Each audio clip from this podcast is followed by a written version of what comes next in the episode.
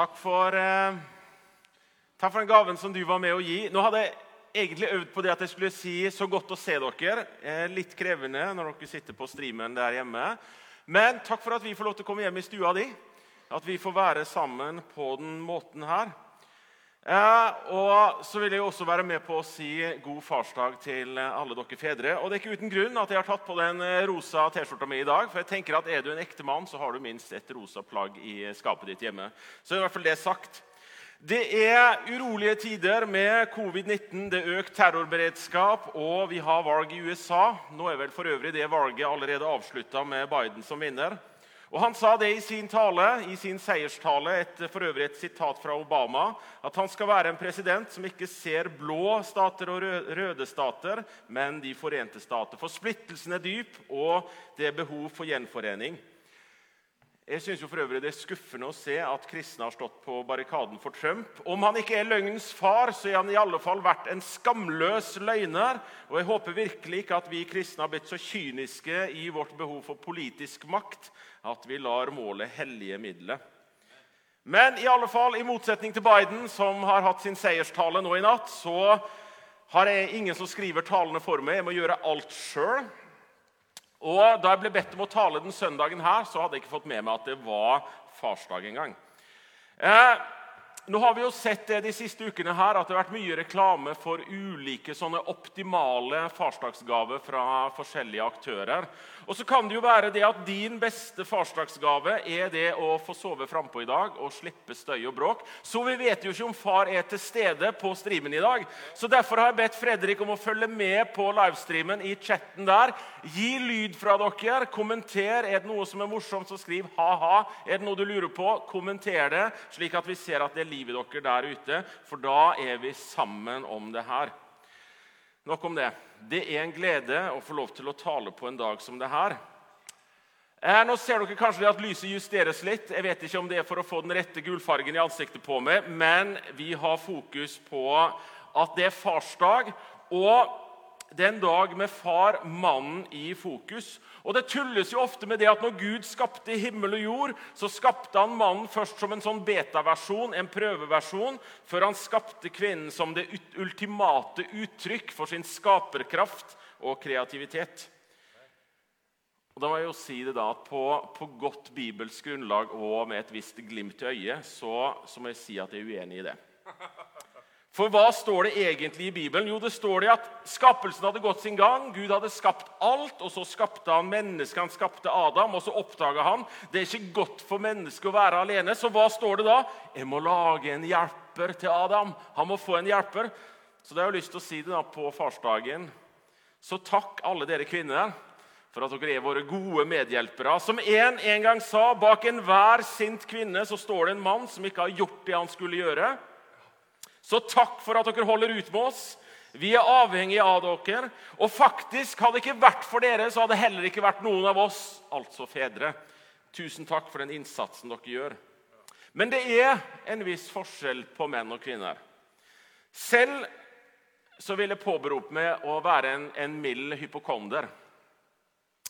Eh, og Jeg pleier å fleipe med det at det har ikke vært et godt år hvis jeg ikke har trodd at jeg har vært dødssyk minst to ganger. Nå, nå, har jeg heldigvis lært meg i større grad å tolke signalene i min egen kropp. Men senest natt til lørdag, altså den helga her, så ble jeg et øyeblikk bekymra da jeg lå alene på en hytte på fjellet og kjente på smerter i brystet. For min første tanke var det passer da dårlig med et hjertestans akkurat nå. Og det er jo en, en lite rasjonell tanke. Men i alle fall, jeg snudde meg over på sida og lot fornuften ramme over på mer konstruktive tanker. Jeg har lært kroppen min å kjenne. Men dere kvinner, da? Jeg skal sitere Anne Lindmo. Dere har jo et helt koldtbord dekka med ulike kvinnerelaterte plager og problemer. Medisinske leksikon bugner over av alt det dere kan komme borti. For hva har egentlig vi menn? Jo, vi har to ting. Vi har prostata, og så har vi podagra, altså urinsyregikt. Likevel så dør menn tidligst, og bare Gud vet hvorfor. Vi får si som Henrik Ibsen Mennene, barn, er en skrøpelig slekt. Så jeg har lyst til å si det på farsdagen til alle dere kvinner. Dere er sterke, og dere utholder mye. Tusen takk for at dere er de dere er. Men så er det jo denne dagen foran far, da. mannen i huset. Og Jeg har to fokus som jeg har lyst til å få fram i dag. Det ene det er farshjertet, og det andre er det å være en etterfølger av Jesus Kristus. Farsforholdet er en gjenganger i Bibelen, både i forhold til at vi har Gud, vår far, og det farsforholdet vi har med Han som mennesker. Men så har vi også det jordiske far-sønn-relasjonen i forhold til det med farsforholdet. Det går igjen mange plasser i Bibelen. Og en kan lure litt på Hvorfor er det her så fremtredende i Bibelen? Er det fordi at vi menn generelt har vanskeligere for å uttrykke farskjærlighet og det nære farsforholdet? For det står Om kvinnen så står det det at kan en kvinne glemme sitt diende barn? En omsorgsfull mor, det barnet hun bar. Og så står det videre selv om de skulle glemme, så skal jeg ikke glemme deg. Altså Kvinnen blir trukket fram som det ultimate uttrykk for en kjærlighet mellom en barn og en forelder. Men så ser vi at det går igjen, det med farsforholdet og farskjærligheten i Bibelen. Som om vi trenger en ekstra dritt for oss å ha fokus på det. For å ikke la det forholdet der drukne, at vårt ansvar for barna ikke skal drukne i vårt fokus på jobb, interesser og andre ting. Og den farskjærligheten som Bibelen forteller oss om Gud, sitt forhold til oss, den er forbilledlig for vår egen kjærlighet til våre barn. Og Derfor har jeg lyst til å begynne med det med nettopp farshjertet. Og Det første punktet mitt er det at et farshjerte det er handlingsorientert. For så høyt har Gud elska verden at han iverksatte konkrete tiltak for å snu situasjonen. Har du tenkt på det noen gang? Da vår yngste datter og nå må jeg si det, den historien her har jeg klarert med dattera mi, sånn at jeg har lov til å fortelle den. Da vår yngste datter for noen år tilbake flytta til Østlandet for å gå på en folkehøyskole som heter Follo, som ligger i Vestby eh, en, en ca. 40 minutter sør om Oslo, så støtte hun en dag på en skikkelig utfordring. Det var helt i starten på oppholdet på folkehøyskolen. De hadde dratt inn til Oslo sentrum. Og så får vi som foreldre en telefon i tolvtida på kvelden. 'Jeg vet ikke hvor jeg er. Jeg har mista siste toget hjem. Hva gjør jeg?' Og Som far da, så er umiddelbart min første reaksjon 'Hvor er bilnøklene?' Jeg hiver med bilen, skal kjøre til Oslo. Men så slår det jo inn at det tar syv timer å kjøre til Oslo. Så det er, ikke, det er ikke mulig å redde situasjonen på den måten der. Så hva gjør vi videre da? Jo, da er det meg og Hilde, som er kona mi. Da blir det oppretta beredskapssentral hjemme på soverommet, hvor det er fram med PC, det er fram med kart, det er fram med Snapchat, for der kan du ha en live oppdatering, GPS-lokalisering, på hvor personen befinner seg. henne. Vi sitter med mobiler, sjekker Oslo Taxi, Oslo Busselskaper, alt for å se ok, hvordan kan vi hjelpe jentungen ut av den krisa her. Vi finner ut du må gå på den bussen som heter det og det. Og så er hun litt rask, så hun går da på den bussen, men hun går på den slik at den går i feil retning. Hun går da ikke inn tilbake mot Oslo, hvor hun skal, og Oslo S, men hun er da videre på vei mot Drammen. Vi klarer å se det på Snapchat, for stoppa det her, for å over på riktig buss, inn imot Oslo. Men så er jo det at to siste toget til Follo er jo gått. Hva gjør du da? Og I tillegg da så er det Oslo Maraton den helga her, så det finnes jo ikke en ledig plass på et eneste hotell. Så hva gjør vi da? Vi sitter der hjemme. Klokka er nå ett-tida på natta. Jentungen er i Oslo alene. Hun har ingen erfaring med å være i Oslo. Hva gjør vi? Jo, vi sier det. Vet du hva? Nå går du på et hotell. For vi kjente ikke taxiselskapene i Oslo. Nå går du på et hotell og så spør du om de har et ledig rom. Vi visste at de da ikke hadde ledig rom, men du går og gjør det allikevel. Og når de sier at de ikke har ledig rom, så spør du de pent om de kan ringe etter en taxi til deg, slik at du får et taxiselskap som de da bruker. Og så må du betale det det koster å ta taxi tilbake til Follo. 1200 spenn kosta det, men vi fant løsningen, og klokka to på natta så kunne vi lukke igjen PC-en. Og så var handlingen utført. Jentungen var på plass, hun var i seng tilbake på folkehøyskolen. Syv timer unna i bil så hadde vi løst det, fordi at et farshjerte er handlingsorientert. Men så er det jo også slik at, at et farshjerte det kan bli sorgfylt og motløst når ting ikke kan bare løses. Det står det i Bibelen glede i hjertet gjør ansiktet vennlig. Sorg i hjertet gjør motløs.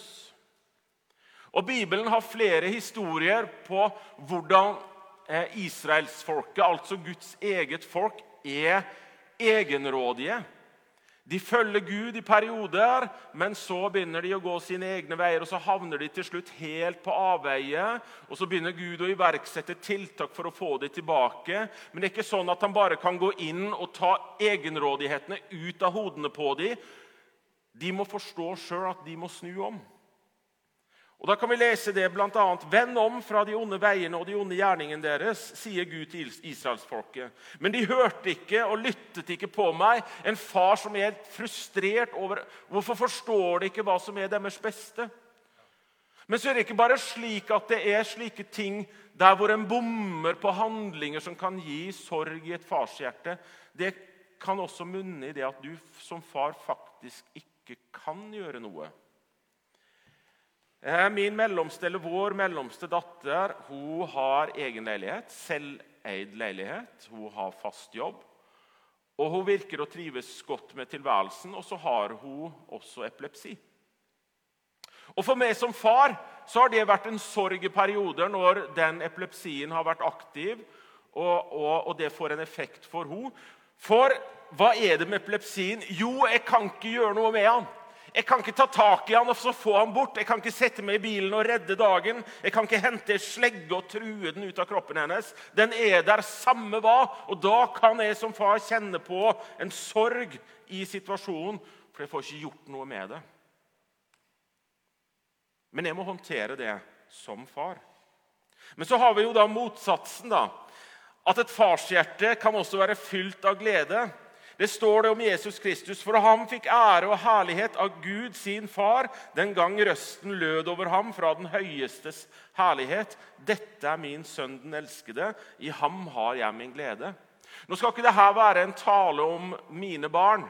Men likevel det er noe mine barn har, da, så da må jeg jo på en måte trekke det inn når vi skal snakke om mitt farsforhold til de. Og For et par dager siden så snakka vi med vår yngste datter. Og Da fortalte hun at hun hadde løst et problem som en voksen. Og Da ble jo vi litt sånn spent. Fortell, hva er det som har skjedd her nå? Hva er det du har vært ute for? Ja, Det viste seg det at hun hadde blitt låst ut av leiligheten sin. Og Hun sa det at første tanke var jo det at nå må jeg ringe pappa. For han må løse opp det her. Men så tenkte hun seg om og så tenkte hun, ja, det her skal jeg håndtere sjøl. Og Så fant hun ut av ok, hvem er vaktmester her, hvem må hun kontakte for å få løst det her, hvem kan komme og låse opp, for hun bor i et sånn eh, leilighetskompleks. Så hun ordna opp i problemet, og så kunne hun da stolt fortelle at det her håndterte som en voksen. Selvfølgelig et lite skår i gleden at far ikke ble ringt til. Men så fantastisk for far å få lov til å se at barna vokser og de begynner å takle livets utfordringer. De kan stå på egne bein. For det er jo klart jo av og til at vi kan bli litt bekymra for podene våre når vi sender dem ut i verden. Har vi huller i oppdragelsen deres? Er det ting vi har glemt å på en måte innprente og gi dem? Og fantastisk da når vi kan se at de takler det som livet kaster på dem. Og det er jo spørsmålet mitt hva er status på ditt farshjerte? Jeg håper at det ikke er noen tette blodårer der. At det er forstoppelser som medfører funksjonssvikt og feil. I ordspråkene 4.23 så står det 'Bevar ditt hjerte framfor alt du bevarer, for livet går ut ifra det'. Og Hvordan kan vi bevare et sunt hjerte? Et levende hjerte som far og som en kristen? Jo, det er jo gjennom etterfølgelsen av Jesus Kristus. Og I dag, på selve, selveste farsdagen, så har jeg lyst til å trekke fram Jesus som vårt fremste forbilde. Som far, men også som mann og som en etterfølger av han. For han er bildet på mannen som er mer enn bare én mann, som Bjørn Eidsvåg synger om. For Bjørn Eidsvåg synger om den middelmådige mannen som gjør så godt han kan, men som kommer til kort, og så avfeier han det hele med at det er bare sånn jeg er. Det er ikke den mannen vi er kalt til å være, fordi Jesus han er vårt forbilde. Han er den som skal være vårt eksempel, den vi strekker oss etter for å ligne på. Og Jesus han var hard og tydelig når det var nødvendig. Eksempelvis så jaga han folk ut av tempelet fordi de hadde gjort det hele til et sånt kapitalistisk supermarked. Han bygga sanne relasjoner og vennskap. Han drev med opplæring. Han tok til seg lærlinger, disipler, som på sikt og, og, og, og, i forlengelsen av det tok hans budskap ut til hele verden. Han så de svake og hjelpeløse. Og han, han så de ikke bare, men han hjalp de. Han beskytta de svake. F.eks. kvinnen som var grepet i hor. Hun sto foran en horde med mennesker som var klare til å steine henne til døde, da Jesus avvæpner de alle ved å si den som uten synd kan kaste, kan kaste den første steinen. Og når alle da var gått bort, så sa han til kvinnen, 'Heller ikke jeg fordømmer deg. Gå bort og synd ikke mer.' Han var uredd, han var modig, men han kjente allikevel på frykten innenfor døden. Samtidig så var han trofast mot sin far. Han lot ikke frykten ta overhånd, og han utførte det oppdrag som han var gitt å utføre. Og Han våga ikke bare å kjenne på følelser, for alle så har vi følelser, og vi kan kjenne på dem, men han lot de også komme til uttrykk. Bibelens desidert korteste vers står i Johannes kapittel 11, vers 35. og Det består av to ord. Og hva står det der? Det står 'Jesus gråt'. Kun det. Jesus gråt. Og Da kan det godt være at der du sitter, da, at du tenker 'for noe føleri'. Er det sånn at Nå skal vi fram med lys, nå skal vi tenne levende lys her hjemme. Vi skal dempe belysningen. Nå kan det jo godt være at det er noen kvinner som applauderer det her innvendig. da, for alt jeg vet. Men nei, vi skal ikke dempe belysningen. Mitt poeng er det at også vi menn trenger å prosessere våre egne følelser. Vi kan ikke bli sånne stimkokere av hvor trykket til slutt smeller, og så kommer det ut usunt. Vi trenger å slippe ut indre trykket og våge å vise verden at ting har betydning. For vi må unngå mental og følelsesmessig forstoppelse. Og så mener jeg også det at det er godt for våre barn å kunne se at far har følelser mer enn kun innvendig. Jeg er kjempeglad. Det bare vises ikke fordi det er jubel på innsida. De trenger å få se det. Og Betyr det da at du skal bli en annen enn den du er? Nei.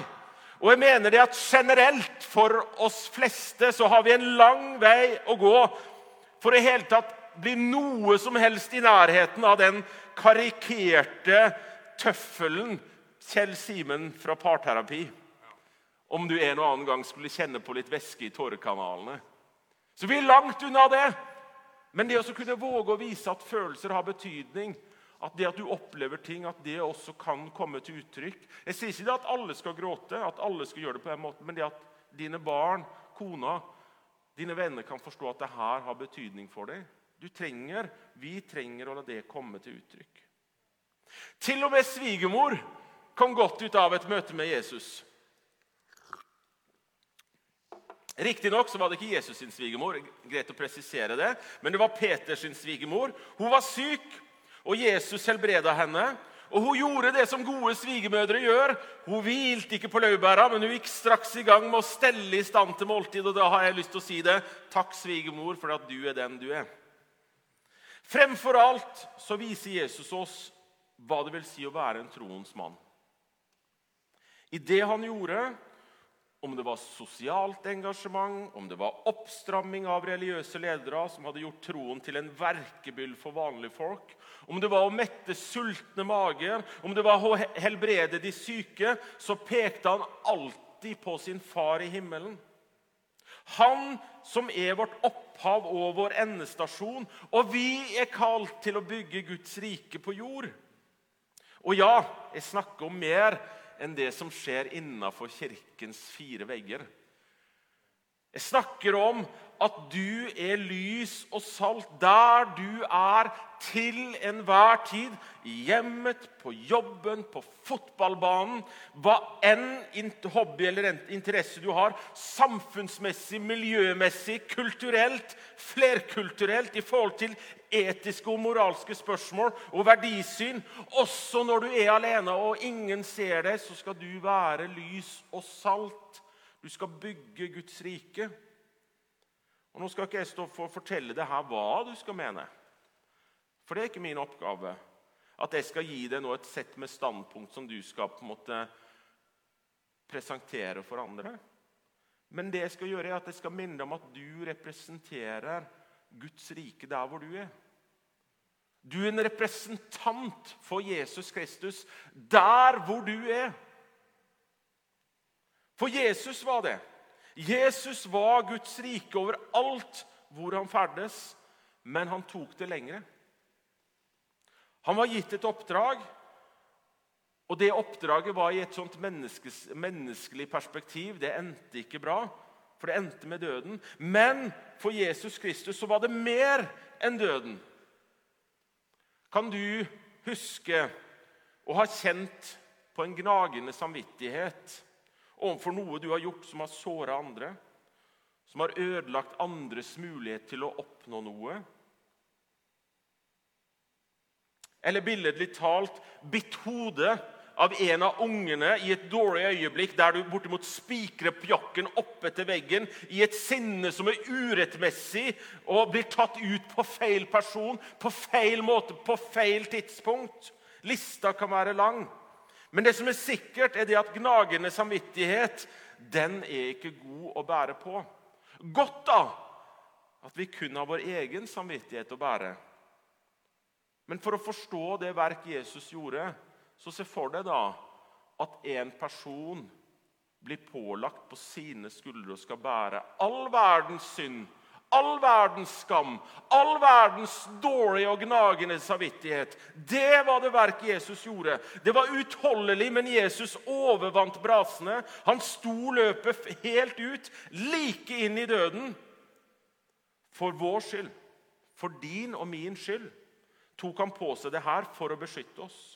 For å gi oss en vei ut av fortapelsen og en mulighet til gjenopprettelse fra det ødelagte. En frelse fra syndens og dødens lov, gitt av nåde og premiert med evig liv. Han gjorde det! Jesus sto han av, og han seira. For hva er det vi synger i barnesangen? Ingen er så trygg i fare som Guds lille barneskare. Han gjorde det for å beskytte oss. Og Så kommer det en utfordring i det her. For det verk som Jesus gjorde, det bruker Bibelen som et bilde på interaksjon i et ekteskap. Altså samhandlingen mellom ektefeller. For det står dere menn, elsk kone deres slik Kristus elsker kirken og ga seg selv for den. Og Her har vi definitivt noe å strekke oss etter. Slik Jesus var villig til å stå i kampen og slåss mot syndens makt i verden og ga sitt liv for vår skyld, skal vi elske våre koner med den samme grad av kjærlighet. Jeg tror det må være lov å tørke svetten i pannen et øyeblikk. Vi kan bli svetta mindre. Men du får et oppdrag som vi er gitt. For en ting å strekke seg etter. Og så syns jeg for øvrig da at Paulus har en ganske fiffig kommentar på slutten av det kapitlet her i Efeserne kapittel 5. For der står det hver mann skal elske sin kone som seg selv, og hun skal ha respekt for sin mann. Og Jeg må si to ting om det her. da. For det første, du må elske deg sjøl fullt og helt for å kunne elske din kone slik som Jesus elsker oss. Derav viktigheten av å leve sunt på innsida og som et helt menneske med alle dets aspekter. Og videre, da respekt. Hun skal ha respekt for sin mann. Respekt det er ikke noe noen av oss kan kreve av et annet menneske. Respekt er noe du blir gitt. Hvis du opptrår som en tulling, så får du respekt deretter. Og hvem av oss har ikke fra tid til annen oppnådd, opptrådt nettopp som en tulling. Men heldigvis kan mye gjenopprettes gjennom erkjennelse av egne handlinger og en bønn om tilgivelse til konemor. Men så må vi også samtidig erkjenne at av og til så går livet i stykker på en sånn måte at det ikke kan repareres igjen. Skaden som er oppstått, er for stor. Vi får det ikke til å fungere igjen. Og da skal vi alle vite og ta med oss det at vi kan fortsatt reise oss igjen. Og vi kan på ny vende oss tilbake til Gud, fordi at han gir ikke opp en eneste en av oss. Selv om livet går i tusen knas og ting blir ødelagt, og vi ikke kan reparere og fikse det. Og vi kan stadig på nytt vende oss til ham for gjenopprettelse og tilbakeføring til livet. Jeg sa det at Jesus kom med et oppdrag. Og Det kjenner vi, og vi vet at han klarte det. Han sto opp fra de døde. Han overvant synden og dødens lov. Vi er også gitt et oppdrag, som har vært inne på det med lys og salt i verden med mer. Jesus kom for å beskytte det mest verdifulle i hele skaperverket, mennesket. Og Fredrik leste innledningsvis en tekst fra Det gamle testamentet som også handla om det å beskytte. Det var et avsnitt som omhandla Davids fremste krigshelter. Det var en trefning med fienden, og hvor David med sine soldater beskytter en byggåker. Og så kan vi tenke byggåker, hvorfor skal vi beskytte det? Er det det viktigste vi har? Hva med mennesker? Hva med bufe? Andre ting? Bygninger? Det var en byggåker som de var villige til å ofre livet sitt for å beskytte. Da de andre flykta, stilte de seg opp i åkeren.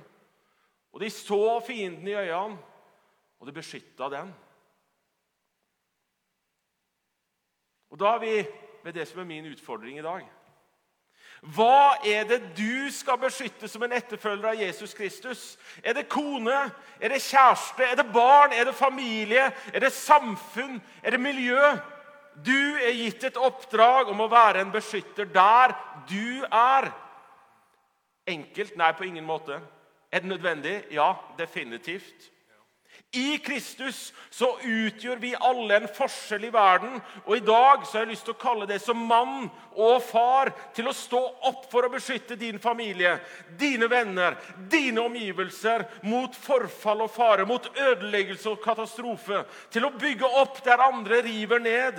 Til å se de som lider. Til å hjelpe den hjelpetrengende til å bety en bedre dag og fremtid for de du møter på din vei. For Guds rike er ikke bare noe som ligger der fremme. Det er her og nå. Amen.